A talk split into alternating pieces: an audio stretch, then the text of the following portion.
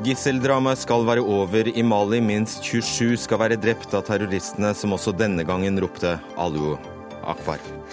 Regjeringens helseplan er et angrep på velferdsstaten, mener Senterpartiet. Nei, gir tryggere sykehus og bedre helsetjenester der folk bor, svarer helseministeren. Med Europas strengeste asylpolitikk skal færre komme til Norge, sa Frp i går. Vi sjekker om påstanden holder mål. Og russ som ikke er harde nok på flaska og har for fattige foreldre, får ikke være med på russebuss etter å ha vært på russebuss-audition.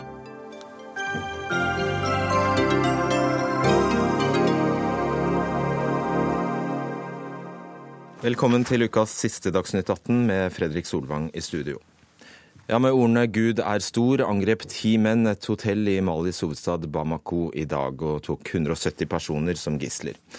Hotellet er mye brukt av internasjonale tjenestemenn og er kjent for å være det tryggeste i Mali. Hotellet er nå stormet og gisseldramaet er over, og til sammen skal 27 personer være funnet drept. Sverre Tom Radøy, Afrikakorrespondent, hva er siste nytt i saken? Du oppsummerte det vel ganske godt, nemlig det viktigste er at gisseldramaet er over. Det er halvannen time siden knapt det, det skjedde. Så er det en eh, stor forvirring om akkurat antall døde, antall frigitte. Eh, antall gisler totalt, og hvor mange som er drept av gisseltakerne. Det siste er at to gisseltakere, da med høy sannsynlig sikkerhet, skal være blant de drepte. Mm. Islamistgruppen Al-Morabitun hevder å stå bak denne gisseltakingen. Hva kan du si om denne gruppa? Dette er en utbrytergruppe av et uh, Al Qaida-basert uh, system i Nord-Afrika. Eh, sjefen selv, den enøyde, man vet ikke om han er drept. Afrikansk eh, etterretning mener han er drept av afrikanske Eh, styrker, men det benekter organisasjonen. Det vi kjenner denne organisasjonen, eller terrorgruppa for hjemme i Norge, det er jo selvsagt at det var den som sto bak 2013-angrepet i Inamenas i Algerie, der fem nordmenn ble drept. Ellers så har eh, Mukhtar vel Mukhtar, som den enøyde da heter, et langt rulleblad for grusomme aksjoner. Også et eh, tidligere i år i hovedstaden Bamako. Og dette angrepet skjedde altså ved at ti væpnede menn stormet eh, hotellet og tok 170 eh, personer som gisler. Og, og flere, 27 er altså meldt eh, døde nå. Vet vi nasjonaliteten til noen av dem? Ja, Vi vet at det er eh, franske, tyrkiske og folk fra Algerie blant eh, de som ble frigitt. Så det er i hvert fall noe å holde seg til. Ellers så kommer det også uh, forskjellige meldinger om kampene inne i hotellet. Til å begynne med så ble vi fortalt av myndighetene at kampene utelukkende var i sjuende etasje. Så var det snakk om fjerde etasje, og nå er det funnet 13 døde i andre etasje. Det betyr at her har man, for, her har man fulgt eh, etter terroristen i etasje etter etasje, og det har vært eh, vold uten like. Jeg vil også si at når man ser alle disse tallene som, eh, som nå florerer, så skal man ta alt med en stor klype salt. Dessverre så har det vist seg at det er pessimistene som har hatt rett når det gjelder store aksjoner. Takk skal du ha, Sverre Tom Radøy. Jon Pedersen, du er forsker ved Fafo og har fulgt Mali siden 90-tallet. Det er altså flere grupper som tar på seg ansvaret for eh, angrepet. Al Jazeera melder at eh, Ansar al-Din står bak, eh, mens som vi hører al-Morabitun, som ble dannet av den enøyde, tar på seg ansvaret i en Twitter-melding. Hva tenker du er mest sannsynlig?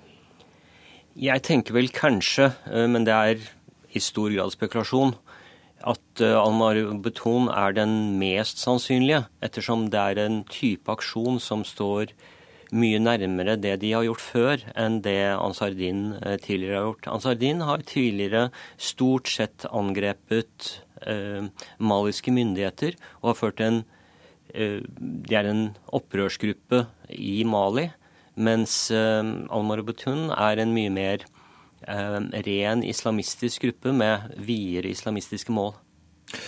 Eh, vi vet jo at Frankrike er dypt involvert i Mali, og landet sendte 40 spesialsoldater for å bidra i, ved dette hotellet. Kan man knytte dette angrepet på noen som helst måte til Paris-terroren? Det er veldig vanskelig å si. Ehm, det har vært meldinger at eh, Beton har eh, tilknytning til IS. Men det er meget få slike meldinger, og Mokhtar Bel Mokhtar har selv benektet det. Det er mulig at det er en splittelse av den organisasjonen. Så eh, timingen skulle jo tyde på at eh, det kan være en slik eh, kobling, men uh, samtidig så har jo dette vært, må jo dette ha vært forberedt en stund, og sannsynligvis uten kjennskap til uh, til uh, hva som skulle skje i, Mali, i uh, Paris. Paris ja. Men det kan altså hende, siden dette hotellet er uh, et av de fremste terrormålene i Mali, at flere utlendinger bor der, at det kan være en sånn Det kan være det. Det er jo opplagt en, en aksjon rettet mot utlendinger. Mm. Og det er på en måte overraskende at det ikke har skjedd før. Uff. Så Uh, hører vi fra løslatte gisler at uh, de snakket engelsk, disse gisseltakerne. Har denne gruppa også, hvis det er da uh, Al-Morabitun, har, har, de tilknytning til vestlige land, slik ISAR? Ikke det man egentlig kjenner til. de er Eh, beskrevet relativt inngående av en canadisk diplomat, Robert Fowler, som, som var tatt til fange av dem i 2008. Og da var det alle sammen uh, som stort sett uh, av malisk uh, og, og opprinnelse fra Mali og Niger. Så, men, men, det har vært fremmedkrigere i Mali og det er nok sannsynligvis også fremmedkrigere i Mali. Uh, hvorvidt noen av dem snakker engelsk, det måtte gudene vite. Mm. Hva er det med Mali? Mali har uh, hva skal du si, Det er et fryktelig hyggelig land på mange, veldig mange måter. Så, så, og, og, med tradisjonelt en veldig um, laidback, om man kan si det, islam, som stort sett har vært Eh, opptatt av introspeksjon og sittet ute i ørkenen og, og bedt, og egentlig ikke vært militant i det hele tatt de siste årene. Samtidig så har det vært en, eh, et opprør i nordområdene eh, med flere grupper. En forvirrende mengde grupper som er vanskelig å holde styr på. Men uh, hvor noen har villet hatt et uh, fritt og uavhengig Nord-Mali. Andre, som Ansardin, ville ha hele Mali til å være is islamsk. Andre, som Al Qaida i islamsk Maghreb, som ville ha uh, en mer sånn generell islamistisk linje. Så, og det har vært da Eh, det er FN-styrker der. Franskmenn franskmennene er tungt inne. Det er en veldig veldig komplisert og uoversiktlig materie. Og ikke nødvendigvis en naturlig statsdannelse, som ellers eh, ofte er tilfellet i Afrika? Nei, er, altså, den ble dannet over hodet på de som bor der. Det er helt klart. Takk skal du ha, Jon Pedersen. Veldig.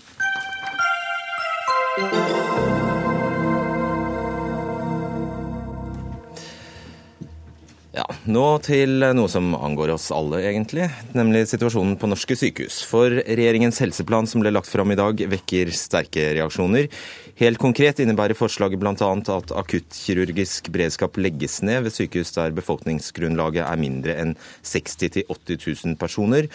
Og dermed kan sykehusene i Narvik, Lofoten, Volda, Stord og Flekkefjord miste slike akuttfunksjoner. Bent Høie, det er jo mange som har ventet på denne planen, og ikke minst fordi du selv har eh, henvist til den eh, gang på gang. Nå hadde du altså mulighetene til å kaste alle kortene opp, tegne et nytt kart, og så ender du med å frede alle norske sykehus. Det er feigt. Nei, det er det ikke. fordi det som vi har gjort med denne nasjonale helse- og sykehusplanen, det er å se framover. Hvilke behov har vi for sykehustjenester framover? Og det vi da ser, ikke minst når vi ser befolkningsutviklingen i Norge, alderssammensetningen i befolkningen, og en som er 70 år, bruker sykehus dobbelt så mye som en som er 40 år, så ser vi at de mindre sykehusene er en viktig del av løsningen på dette. Fordi mange av de mindre sykehusene ligger òg i de områdene der en stor andel av befolkningen vil være over 70 år. De vil få ha behov for mer sykehustjenester framover. Derfor så sier vi at de mindre sykehusene kommer til å få mer å gjøre i årene framover, ikke mindre å gjøre. og Derfor er det ingen sykehus som kommer til å bli nedlagt som følge av denne planen. Så du mener du har tilfredsstilt sidekvinnen din? Ja, jeg mener i hvert fall at det som vi her foreslår, er den tryggeste og sikreste måten å sikre eh, en desentralisert sykehusstruktur. Men det er veldig viktig at vi som pasienter eh, opplever den samme kvaliteten uansett om vi kommer på et stort eller lite sykehus. Og de mindre sykehusene må slippe å være kopier av de store. De må få trygghet til å utvikle seg og bli flinke til det de kan, nemlig å gi folk hjelp for de vanlige tingene til det som en har behov for ofte. For det er da det er viktig å slippe å reise. Men hvis du f.eks. får en alvorlig kreftsykdom eh, eller en veldig alvorlig komplisert skade, da tror jeg de fleste av oss vil til et større sykehus eh, der et team av høykvalifiserte folk kan hjelpe dem med den siste type behandling og medisin. Og det er nettopp det vi legger opp til i denne planen. Vi får sjekke da med Kjersti Toppe, nestleder i helse- og omsorgskomiteen for eh, Senterpartiet. Bedre helsetjenester der folk bor, og tryggere sykehus, og det du hører her. Ikke så verst? Nei, Det er jo en, eh, en framstilling som jeg eh, reagerer veldig på. Eh, og det siste som Høie sa, med at alle vil jo at en skal til et spesialisert sykehus når en har en kreftsykdom eller en alvorlig ulykke eller sånt. Altså alvorlig talt, sånn er det jo i sykehusvesenet i dag. Sånn har det vært lenge. Vi har spesialisert der vi må, og sånn skal det være òg i framtida. Det mener òg Senterpartiet. En skal ikke gjøre alt alle plasser. Men det som denne planen handler om, det er at en skal svekke basiskompetansen på sykehus sykehus. Vi skal svekke tilbudet til de, de, som har de vanligste sykdommene som kommer inn. Eh, det gjelder to av tre eh, som blir innlagt på sykehus i dag. De trenger behandling på lokalsykehusnivå. Og Da foreslår Høie at en skal svekke eh, det apparatet som står og tar imot. En skal ta vekk kirurgene fra akuttmottakene. Og jeg kan ikke forstå at en skal sikre kvaliteten ved å svekke kompetansen. Og Legeforeningen er klart imot det som nå Høie foreslår. Svar på det.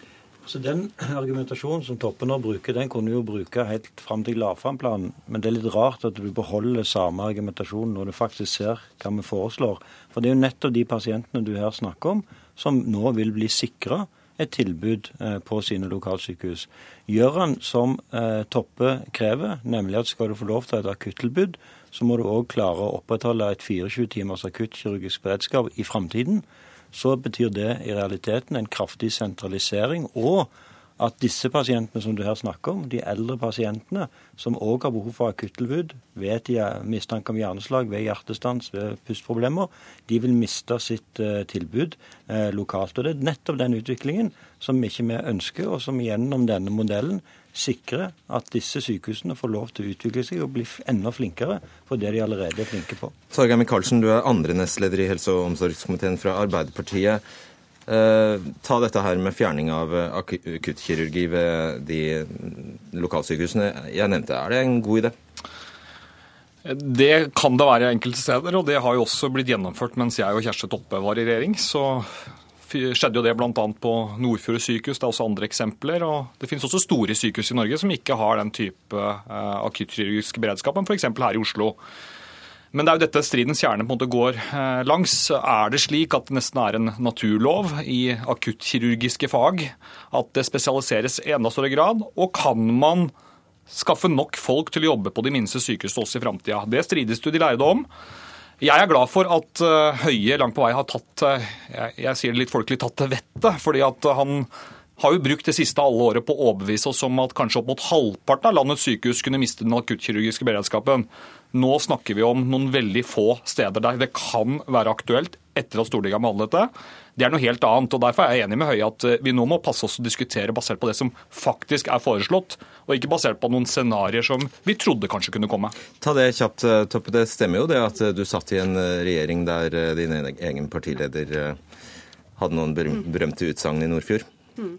Ja, Hadde ikke det vært for Senterpartiet, så hadde jo Nordfjord vært et lokalmedisinsk senter i dag. Det er jo òg en realitet, men det er en stor forskjell på Poenget var at det, ble, at det samme skjedde under dere? Eh, ja, eh, og, og, og, det er sant eh, på noen sykehus. Men poenget er at da var det et unntak. Eh, for det som var hovedregelen på norske sykehus, det at du måtte ha en basiskompetanse på kirurgi, indremedisin og anestesi. Det som nå blir foreslått, at det nærmest skal bli regelen på alle de minste sykehusene. og Det er jo en stor eh, forskjell. For I planen så står det at det skal være befolkningsgrense på 60 000-80 000 som er veiledende grense sammen med andre ting. Og det er òg iallfall fem sykehus som er nevnt med navn, eh, som skal vurderes. Jeg ser du eh, rister på hodet, så jeg regner med du er uenig, men du får ikke, får ordet akkurat. Du får ikke ordet akkurat nå, for vi skal til Eid, i, Eid kommune i Sogn og Fjordane. Eh, og der ligger jo altså Nordfjord eh, sykehus. I 2011 så gikk jo folk i fakkeltog for sykehuset. Likevel, som du sier, Toppe, så ble fødeavdeling, kirurgi og akuttfunksjoner tatt vekk. Og til erstatning kom da poliklinikker og telemedisinske løsninger. Bent Ingebrigtsen, du er sjef for Nordfjord legevakt. Hvordan syns du denne omleggingen har gått? Nei, Først så vil jeg jo eh, bite meg merke i at eh, Bent Høie sier at han vil styrke lokalsykehusene. og Det er jo veldig gode, gode nyheter. Og når det er sagt, så vil jeg først også si at Nordfjord sykehus har fått tilført en del nye tjenester som absolutt har vært veldig gode. De har fått uh, en dialyseavdeling uh, som gjør at uh, pasienter med kroniske sykdommer får veldig god og nær behandling. De har også fått en kreftpoliklinikk og også fått en del polikliniske behandlingstilbud som gjør at på noen områder så er tjenestene blitt veldig bra i Nordfjord. Men det er egentlig ikke det vi diskuterer her. Det vi diskuterer her, det er Eh, befolkningens tilgang på akutte medisinske tjenester. Ja, og Da er spørsmålet til deg egentlig om det funker? Ja, og det, det som er min bekymring, da, det er jo at eh, Bent Høie vil bruke Nordfjord sykehus som en mal. Han har kalt det fremtidens lokalsykehus. og Han vil bruke det som en mal på de andre lokalsykehusene i Norge. og Det er der min bekymring er stor. Jeg lurer på om Bent Høie er klar over hva slags lokalsykehus Nordfjord er. Hva slags kvalitet det er på den medisinske akuttberedskapen på Nordfjord sykehus om han mener at dette skal være førende for de menneskene som bor i, eh, den perifere delen av landet, og som har sin tilknytning til det som mange steder i dag er godt fungerende lokalsykehus. Så du vil advare mot denne modellen? Den vil jeg advare mot, og jeg lurer på om han er klar over hva slags akuttmedisinsk tilbud de har der. Ok, Det skal han få svare på ja, Bare vent litt. Det skal han få svare på straks. Vi skal bare ta inn en annen en kollega av deg, faktisk. Jon Sverre Arnestad, du er overlege ved Nordfjord eh, sykehus. Hvordan vil du beskrive situasjonen for sykehuset i dag, sett med pasientenes øyne? Eh, min, mitt syn er at uh, tilbudet er vel tilpasset til de utfordringene som en har i Vet du hva, eh, eh, stans litt. Vi må ringe deg opp. Det er så veldig dårlig linje her. Eh, Høie, kan du svare på om du er klar over hvordan det egentlig, hvordan det egentlig står til på Nordfjord sykehus? Ja, det er jeg veldig klar over. Og jeg har hatt besøk, besøkt sykehuset selv flere ganger, og de har òg vært veldig sentrale inn i det arbeidet som vi har gjort der. Og det er ikke jeg som har kalt Nordfjord fremtidens lokalsykehus, det er det Kjersti Toppe og Arbeiderpartiet, SV og Men han advarer jo mot denne modellen? men jeg sier, Det er nettopp en modell som ble utvikla. Eh, og jeg kan takke den rød-grønne regjeringen for eh, at denne modellen ble utvikla, og den kan vi nå bruke for å sikre eh, sykehus. Fordi jeg er veldig glad for at Kjersti Toppe anerkjenner Nordfjord sykehus som et sykehus. Og det betyr jo at hadde det vært sånn at en hadde stilt krav nå til at Nordfjord sykehus skulle ha akuttkirurgi 24 timer i døgnet, så var det kravet de ikke hadde klart å tilfredsstilt.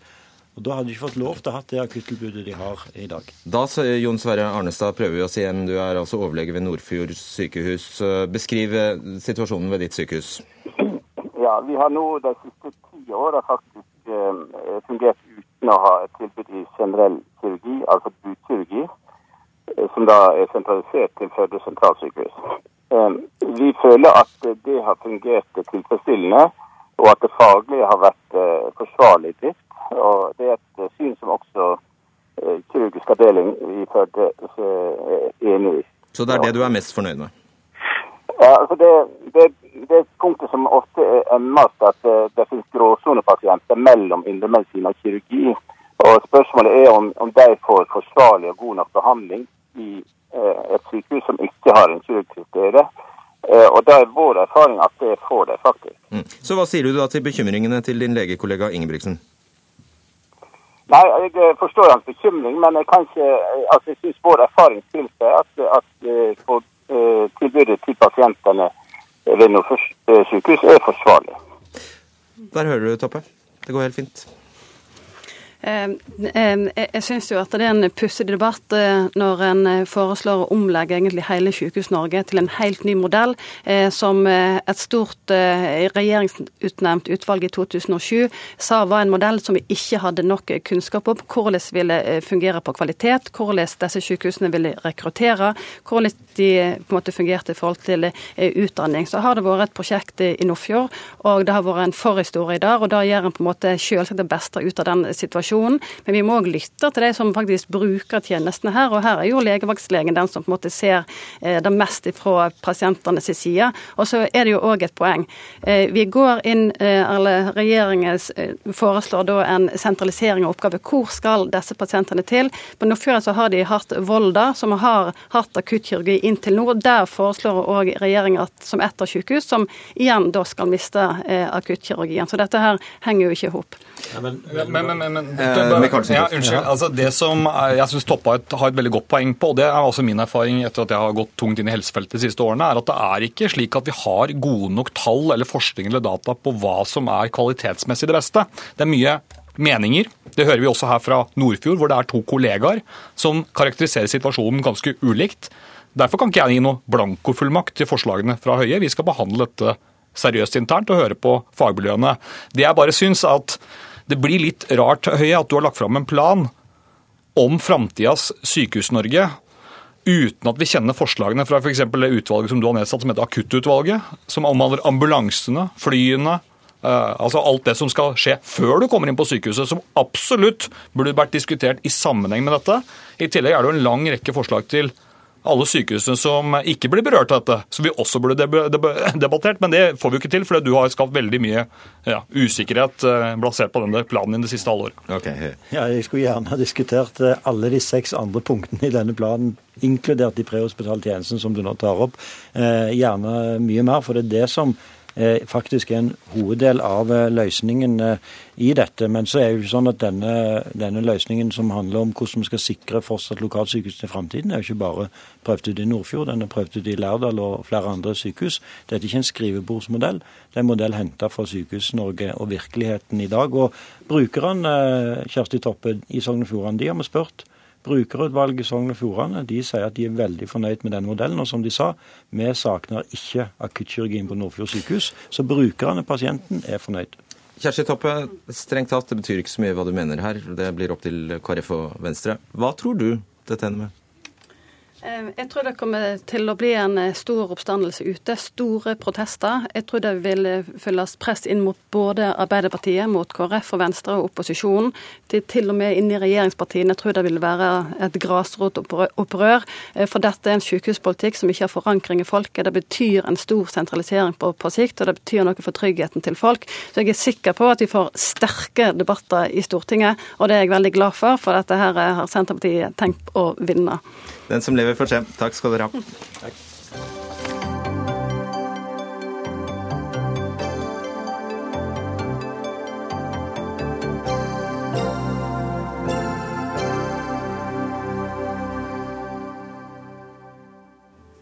Politiets uh, sikkerhetstjeneste får likevel ikke sett det filmopptaket de beslagla hjemme hos uh, Ulrik Imtias Rolfsen etter en politirazzia i sommer. Ja, Det er eh, konklusjonen etter at Rolfsen vant over Politiets sikkerhetstjeneste i Høyesterett i dag, faktisk. PST mente altså opptakene Rolfsen hadde bl.a. var bevis for at en norsk 18-åring skulle slutte seg til IS. Men en enstemmig Høyesterett konkluderte med at allmennheten har behov for kunnskap og innsyn i Rolfsens filmprosjekt, og et effektivt kildevern er helt avgjørende for at filmen skal Eh, kunne gjennomføres. Og Først som sist så vil jeg bare forklare hvorfor PST glimrer med sitt eh, fravær her. De har rett og slett ikke giddet å ta telefonen i dag, eller svare oss, så da får vi i stedet baksnakke dem. Og vi går glipp av en god del viktige aspekter ved denne saken, dessverre. Ulrik Intias Raasen, filmregissør, gratulerer. Takk. Hva er det som betyr eh, Eller hva betyr dette for deg? Det betyr jo først og fremst at jeg kan fortsette å lage filmen. For nå får du materialet ditt? Ja, men også litt arbeidsro. fordi at eh, det beslaget har jo skapt ganske store bølger i, i miljøet. Som gjør at folk har løpt uh, for å få dekning. Og, og du har mistet noen kilder? Jeg har mistet en del kilder som vil ut av filmen.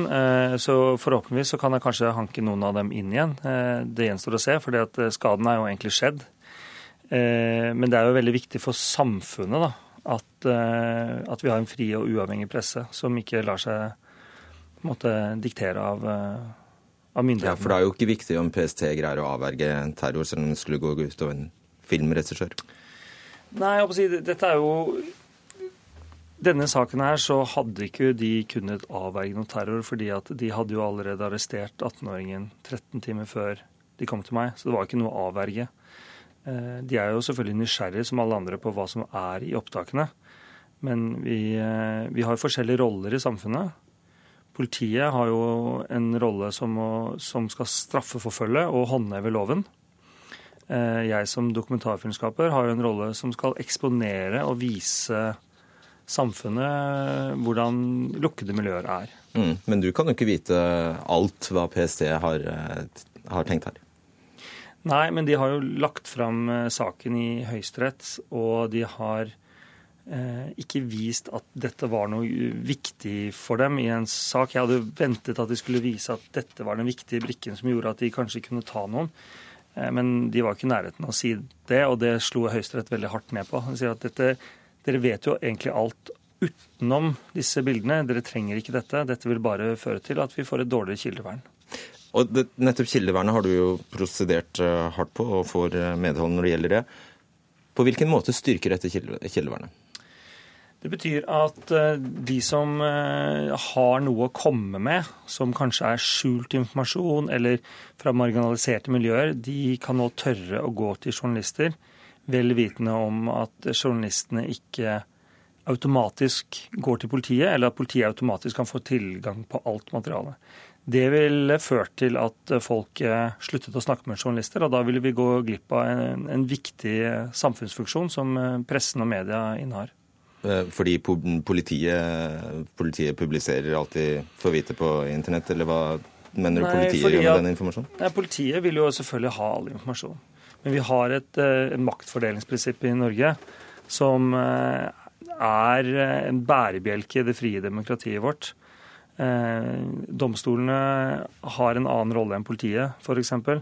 Og, og pressen har en viktig rolle. og vi, vi, liker jo å se på oss selv som et fritt demokrati, og vi kritiserer jo andre ikke så frie demokratier. og Blant det vi kritiserer, er jo det at myndighetene kontrollerer hva pressen skriver og sier og gjør. og Det har nå Høyesterett sagt, og det får vi ikke lov i Norge.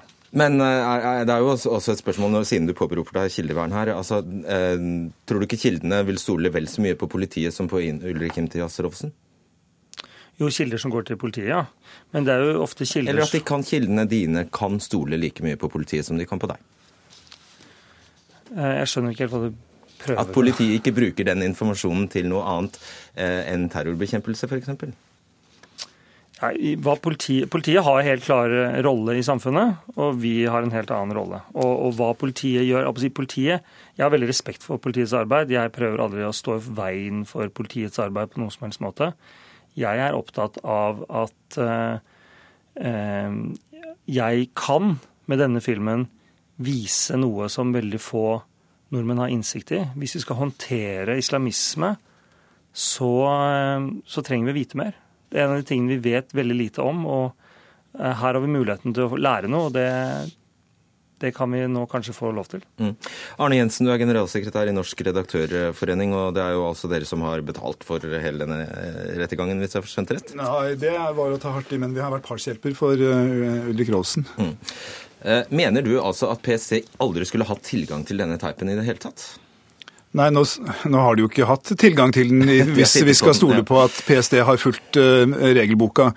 Uh, men poenget er jo, som uh, Ulrik for så vidt er inne på, at det er en mengde historier som aldri vil bli fortalt, viktige historier som, om samfunnet vårt som aldri vil bli fortalt dersom de som skal fortelle disse historiene til journalister, filmskapere, redaktører, eh, risikerer at politiet eh, dukker opp, beslaglegger materialet og ser igjennom det. Den, da vil deres anonymitet, som er en forutsetning ofte for å, eh, for å bidra med opplysninger, den vil være null verdt. De kildene vil ikke dukke opp, og vi vil gå glipp av vesentlig informasjon om viktige sider ved samfunnet vårt. Derfor er kildevernet også en helt bærende eh, søyle i ethvert demokrati.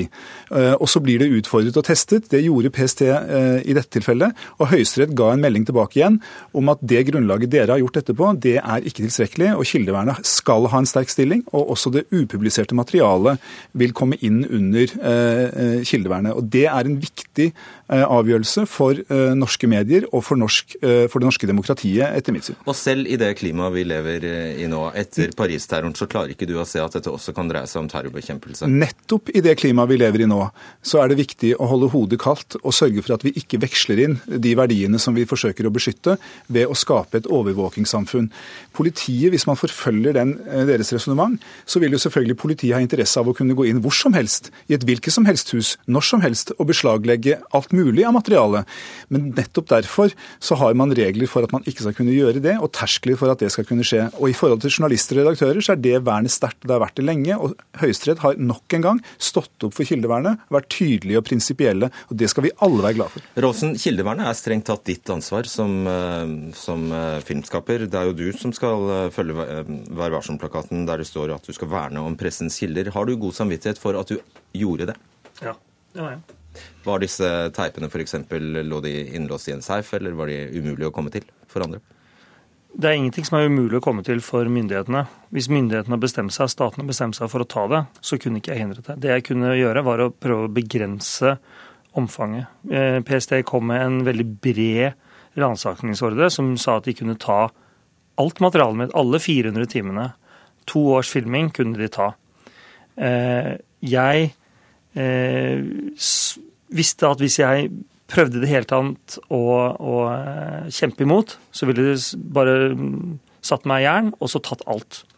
Det ville satt veldig mange kilder i fare, og her måtte jeg begrense skadene og gjøre det som jeg gjorde. Hva hadde du gjort da hvis PC hadde kommet tøffelig opp bedt deg om AFC?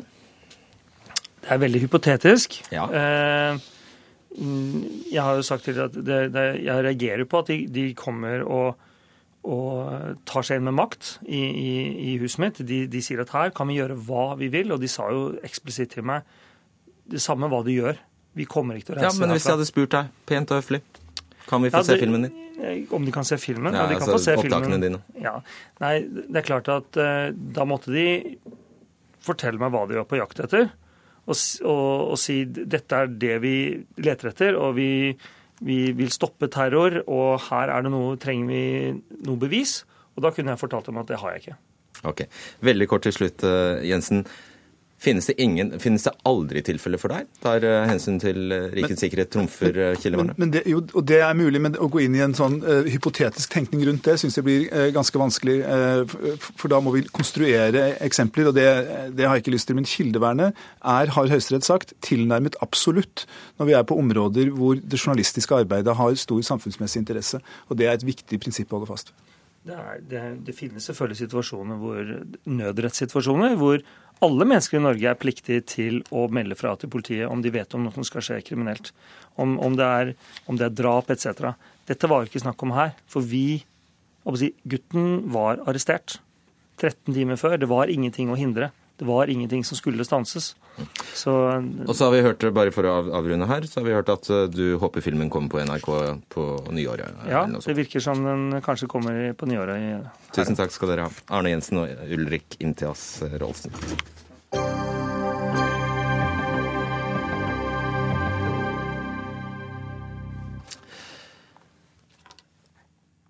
I går ble altså stortingsflertallet enige om 18 tiltak som skal få ned asyltilstrømningen til Norge. Og som vi vet kommer det altså nå over 2500 i uka. Og slik karakteriserte Harald T. Nesvik i Frp forliket.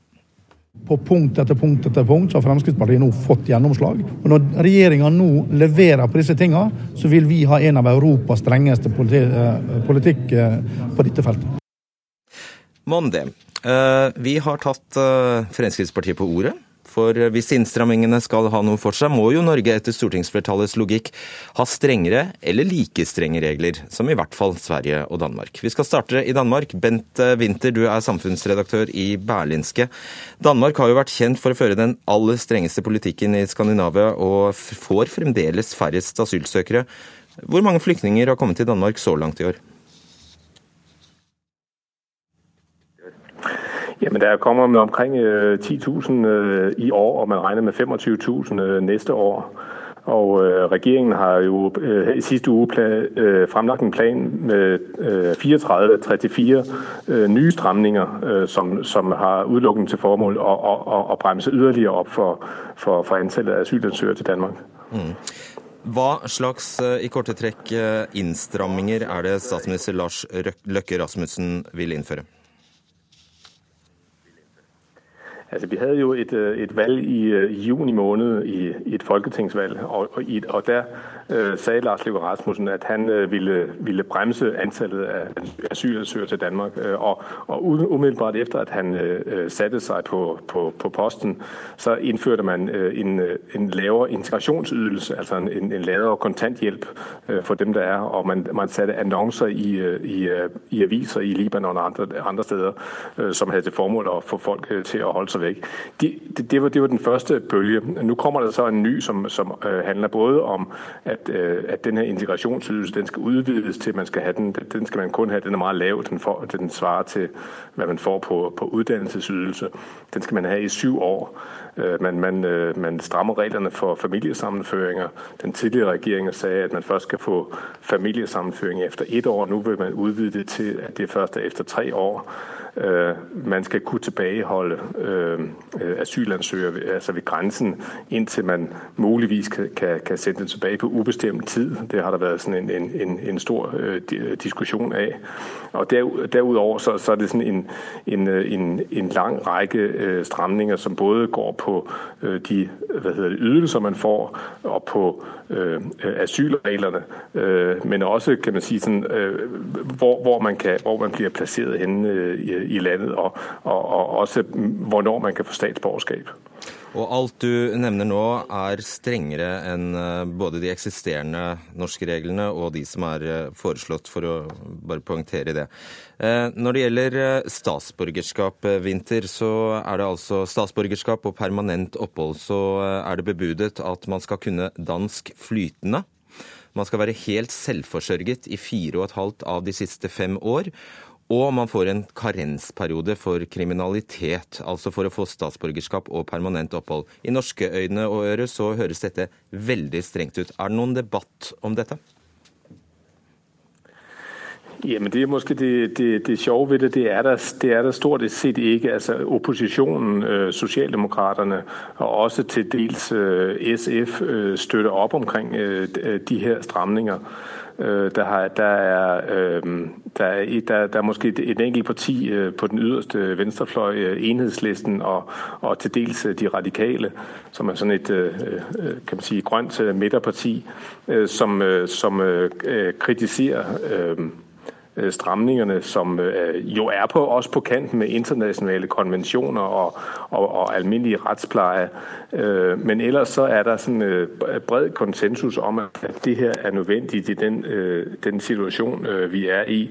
Også fordi vi er nabo til, til, til Sverige, som jo i år forventer å få 190.000 øh, flygtninge og migranter. Så, så, så det er en, en, en situation, hvor, hvor man har en fornemmelse av at, at vi er i en, en unntakelsestilstand.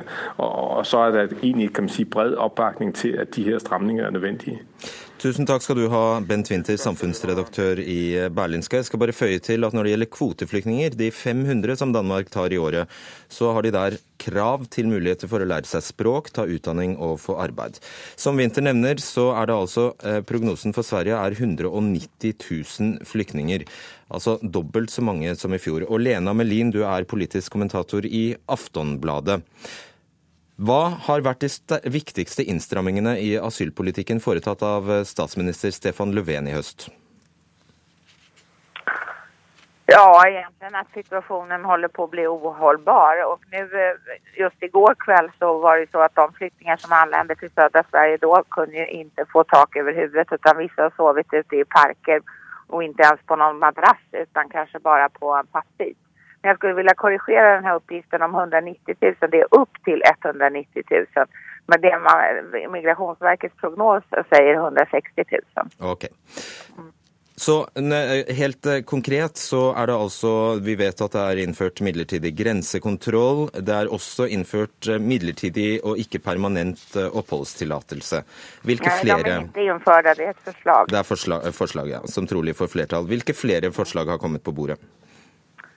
Eh, ja, de här tillfälliga gränskontrollerna gäller nu till 11 december och eh, sen har det kommit många förslag om eh, kommunerna får i år 11 extra miljarder som är en snabbutbetalning från staten för att deras kostnader har blivit högre för asylmottagandet. Sen de här tillfälliga uppehållstillstånden som finns som förslag och regeringen inte längre har, har lagt fram, de gäller då inte barnfamiljer och inte ensamkommande flyktingbarn utan bare bara vuxna. Eh, sen har man försökt förbilliga, billig förbilliga mottagningen av ensamkommande flyktingbarn eh, som nu ofta hamnar, familjehemmen har tagit slut så alltså hamnar de på institutioner där, där omsorgskostnaden är väldigt hög. Så nu ska det komma en ny form som gör där det helt enkelt er færre voksne enn det er på de her omsorgsboendene, og dermed billigere. Ja, Så kommer det også innstramminger på familiegjenforeningsreglene. Tusen takk, eh, Lena Melin, politisk kommentator i Aftonbladet. Frøy Gulbrandsen, kommentator i Bergens Tidende. Når du hører dette, hvor riktig eller uriktig er det at eh, Norge får Europas strengeste asylpolitikk, vil du mene? Nei, Jeg forstår rett og slett ikke hva det er i disse forslagene som gjør at Norge nå skal være Europas eh, strengeste land på asylfeltet. Jeg syns dette er moderate og fornuftige forslag som eh, stortingsflertallet kommer med. og de fleste av forslagene er, jo, er det jo allerede flertall for fra før. Mange av punktene er jo i de tidligere asylavtalene mellom KrF og Venstre og regjeringen. Så jeg syns dette her er egentlig en ganske sånn fornuftig og moderat tilnærming til at Norge nå er i en ganske ny situasjon med ekstremt mange asylsøkere. Spesielt hvis vi sammenligner med Danmark. Ser du noe punkt i, av disse 18 punktene som er strengere enn det Danmark har? Nei, jeg gjør ikke det. Eh, Men jo, man vet jo ikke helt hvordan dette vil virke. Man, man venter litt for å se hvordan det, hvordan det slår ut. F.eks. dette med midlertidig oppholdstillatelse. Hvis det blir sånn at uh, flyktninger flest uh, bare får oppholdstillatelse i noen få år, og den da blir trukket tilbake, sånn at de, de må reise tilbake til hjemlandet etter noen få år, og man faktisk begynner å kaste ut folk da, etter kort tid, det er klart det er jo en innstramming, men eh, jeg, aner ikke hvordan de skal få det til. fordi at eh, returutfordringene er jo rimelig store fra før. Eh, og det andre punktet er jo dette når det gjelder instruksjonsretten til UNE. eh, Der det også er litt sånn åpent hva det vil medføre. For det, betyr jo at eh, regjeringen får større makt over Utlendingsnemndas beslutninger. Og der har de selvfølgelig en liten mulighet til å stramme inn, da.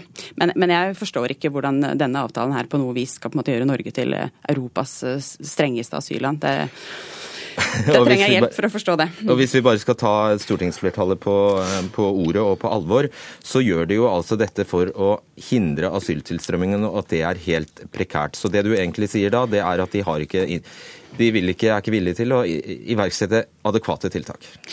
Altså, nå prøver de å smelle i bordet med en lang liste med, med det som da skal være innstramminger. Noen av det er jo innstramminger, de, men de prøver nå også altså, å, å gi, inntrykk av at dette er en lang lang liste med innstramminger, og nå er det på en måte nesten helt umulig å få asyl i Norge. Og de prøver jo å skape det inntrykket utad, fordi de har en kjempesterk tro på at signaler er det aller, aller viktigste i asylpolitikken. Men jeg er veldig usikker på hvor sterk den effekten nå er etter hvert. Fordi den skremselseffekten som man kanskje så en stund av at Fremskrittspartiet var regjering, den er åpenbart helt død. eh, Når det nå har kommet, eh, kommet 30 000 asylsøkere til Norge i år med Frp i regjering. Så jeg tror man trenger helt konkrete, reelle innstramminger for å få den effekten. Ok, Takk skal du ha, Frøy Gulbrandsen.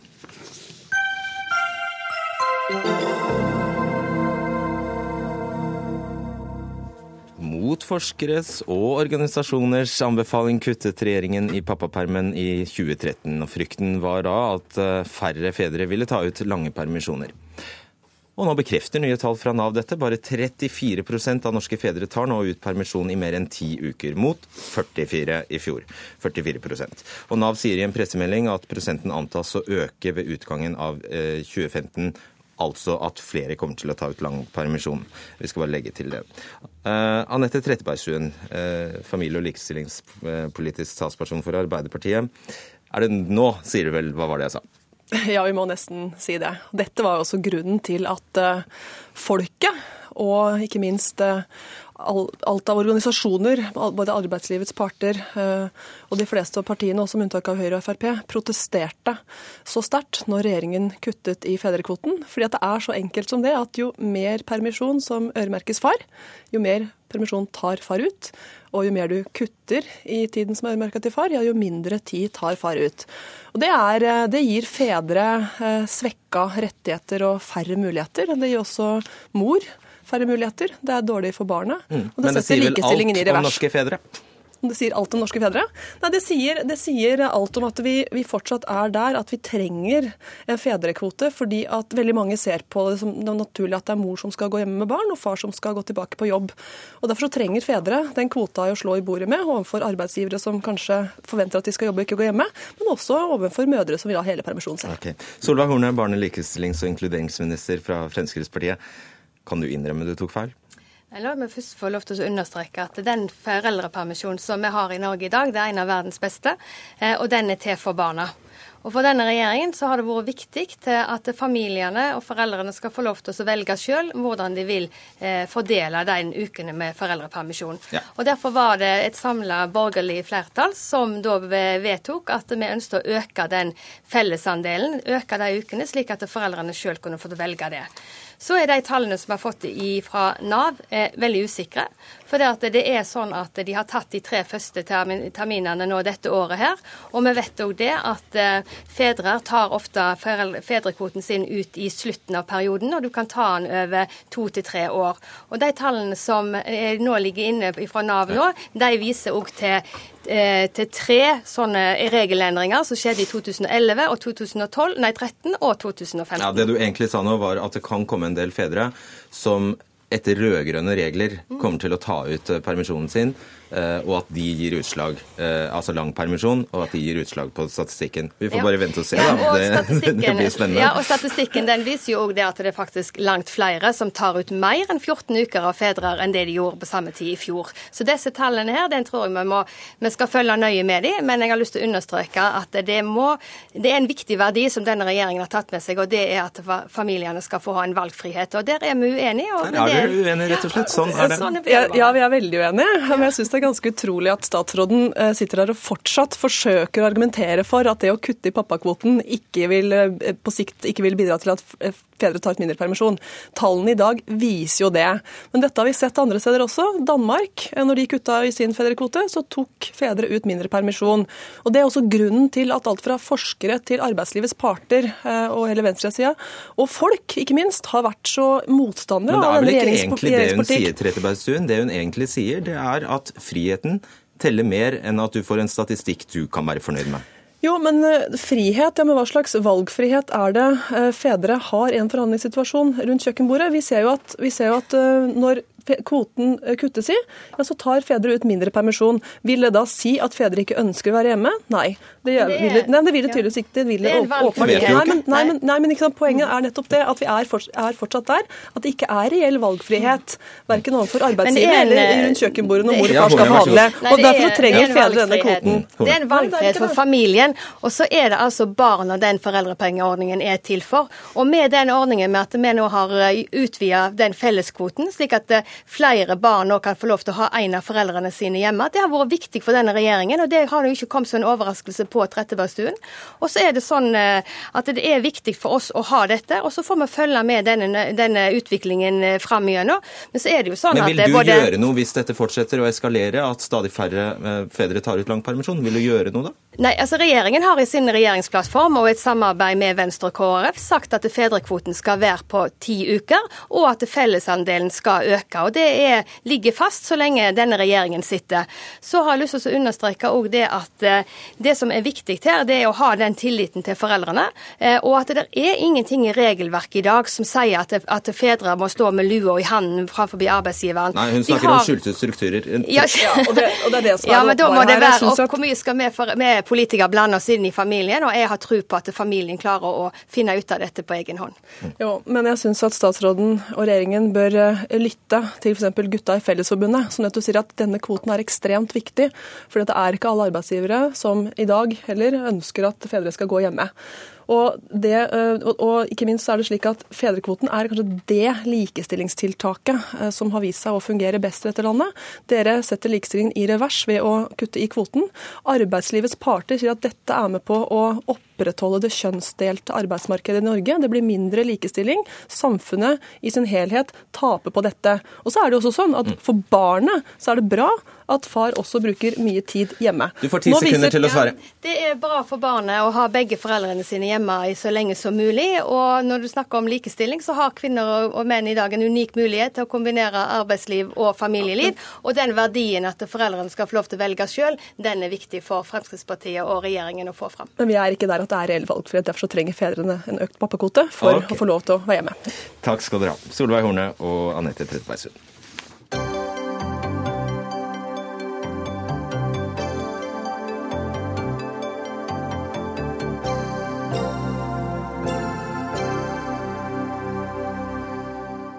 Størrelsen på lommeboka til foreldrene, om du er flink til å bli full, og ikke minst hvor godt likt du er, avgjør om du kommer med på russebuss i Asker og Bærum.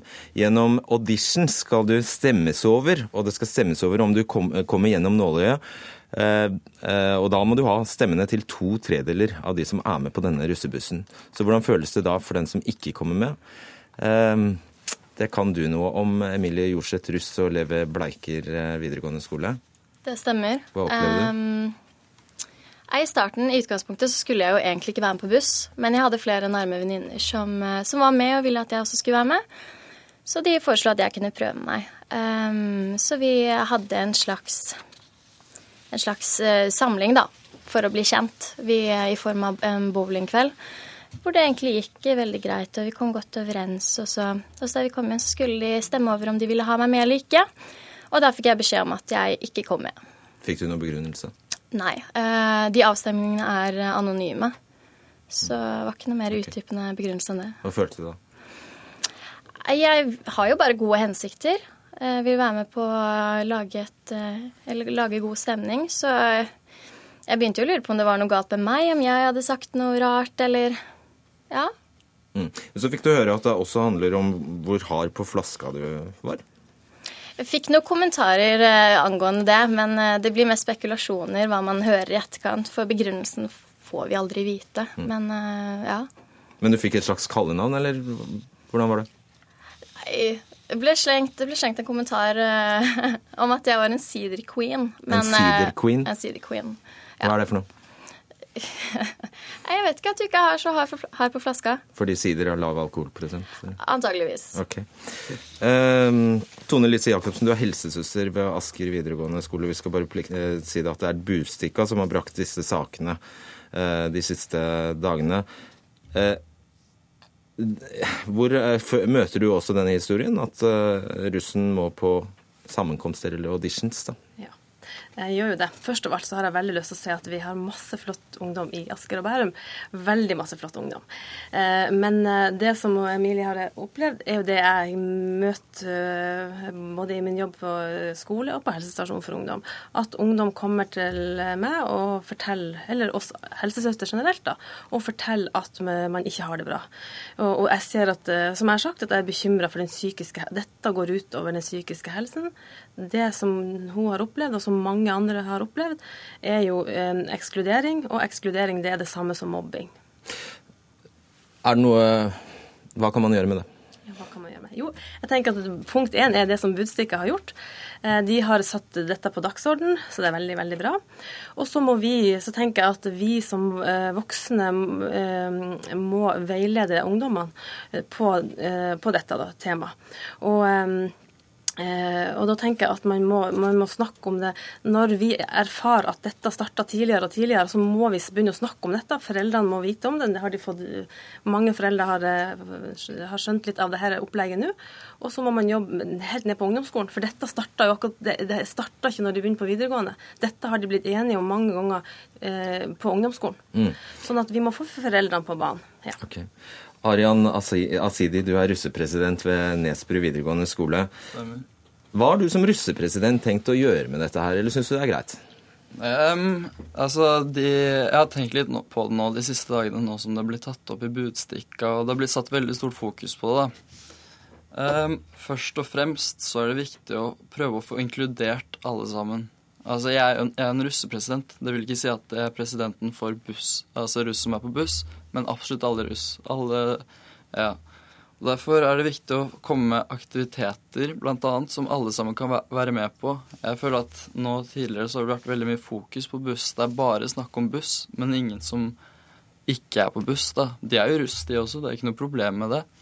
Så det gjelder å liksom inkludere dem i russe, eh, russefellesskapet, da. Som de, man ikke vet om noe ellers. Jeg må bare spørre deg om disse dere kaller det sammenkomster. Eh, det minner eh, om auditions. Mm. Og folk flest vil tenke at det er altfor brutalt. Hva tenker du om det?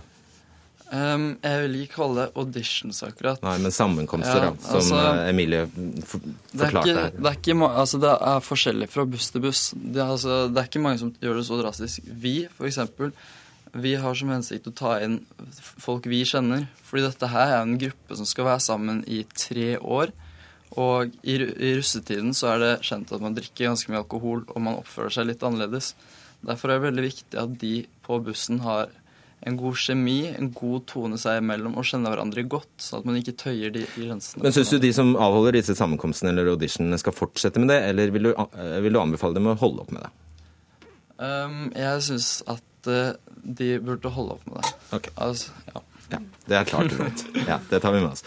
Emilie, hva vil du si, hva, hva er budskapet ditt til de som føler seg avvist og utelatt? Jeg tenker at man må, man må, i hvert fall ha noen å snakke med. Og om man ikke har venner, så har man jo foreldre, om man er eh, helsesøstre på skoler. Og eh, stå sammen. De som, og de som er på buss, kan bli flinkere til å inkludere de som står utenfor. For det er eh, det er lett for å bli bare bussen på ferier og bursdager og på skolen og i kantinen. At de andre skal også få lov til å være med. Dette, det er veldig bare, viktig. Og det, disse russebussgreiene de starter man å planlegge mange år i forveien. Ja. Så dette er på en måte grupper som holder sammen lenge. Det er sant. Jeg ble jo ikke med før, uh, før i april. Det har jo funket helt fint frem til da. Eh, Tone Lise Jacobsen, du nevner også foreldrenes ansvar. Vil, din, tror du det, at dette er et helt særskilt eh, Asker og Bærum-fenomen, eller finner man det andre steder også?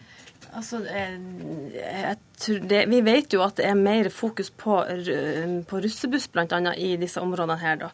Eh, sånn at, men, men, det er klart at problemstillingen finner man nok andre steder også. Men, men jeg bare mener at vi må gjøre noe. Vi, og jeg tenker at til, til ungdommens forsvar så er jo de vokst opp med dere er jo vokst opp i ei tid hvor det er alt som handler på, på, i media, er å stemme ut, stemme inn. ikke sant? Så jeg tenker at vi må vi stoppe opp og fortelle litt hva er det egentlig, og hjelpe dem, hva er det de holder på med. Sånn at dette må vi dette, Jeg eh, får jo, som jeg sa, i løpet av de siste tre-fire årene så jeg, har jeg mye mer henvendelser i forhold til dette temaet. da. Mm. Og da er, det, da er, det, referert til altså Fest Audition, da, eh, som, som vi snakka om i stad. Det er jo det er, og, ja, ja, Arian, hvordan kunne man ha gjort det annerledes i sted? Hva kunne man ha gjort i stedet for eh, sammenkomster eller auditions? Altså, Først og fremst så er det jo hensikten med det. Hensi eh, først må man se på hensikten, og det er jo at man vil bli kjent bedre med de man ikke kjenner godt fra før. Og jeg, jeg, vet ikke helt selv hvordan man kan um, finne en annen løsning på det sånn sett. Fordi hvis hvis man tar inn noen man ikke kjenner så godt, så kan det skape noen andre problemer ellers. Mm. Hva tror du, Emilie? Mm, jeg tror ikke de sammenkomstene er det store problemet. Jeg tror det er mer holdningene rundt det. At man skal eh, Altså det er ikke ubegrenset antall plasser på busser, men eh, det er viktig å, å se på hva slags eh, person du er, være åpen for å bli kjent med hverandre. For jeg tror ikke dette er noe som kommer til å ta slutt med en gang, eller med det første. Men i dag så domineres det veldig av status og hvilke klær du har, og ja, om du har på flasken. Så ja. Helt kort til slutt. Ja. ja jo, og, og et, jeg ser jo det som mitt ønske var jo at det ble slutt på russebuss. For jeg tenker at ungdom bruker så masse penger, som et annet, helt annet tema. Men tenk på den tida de, de bruker masse tid og har ekstrajobber for å jobbe inn penger til russebuss, som de kunne brukt på noe helt annet, som f.eks. skole. Mm.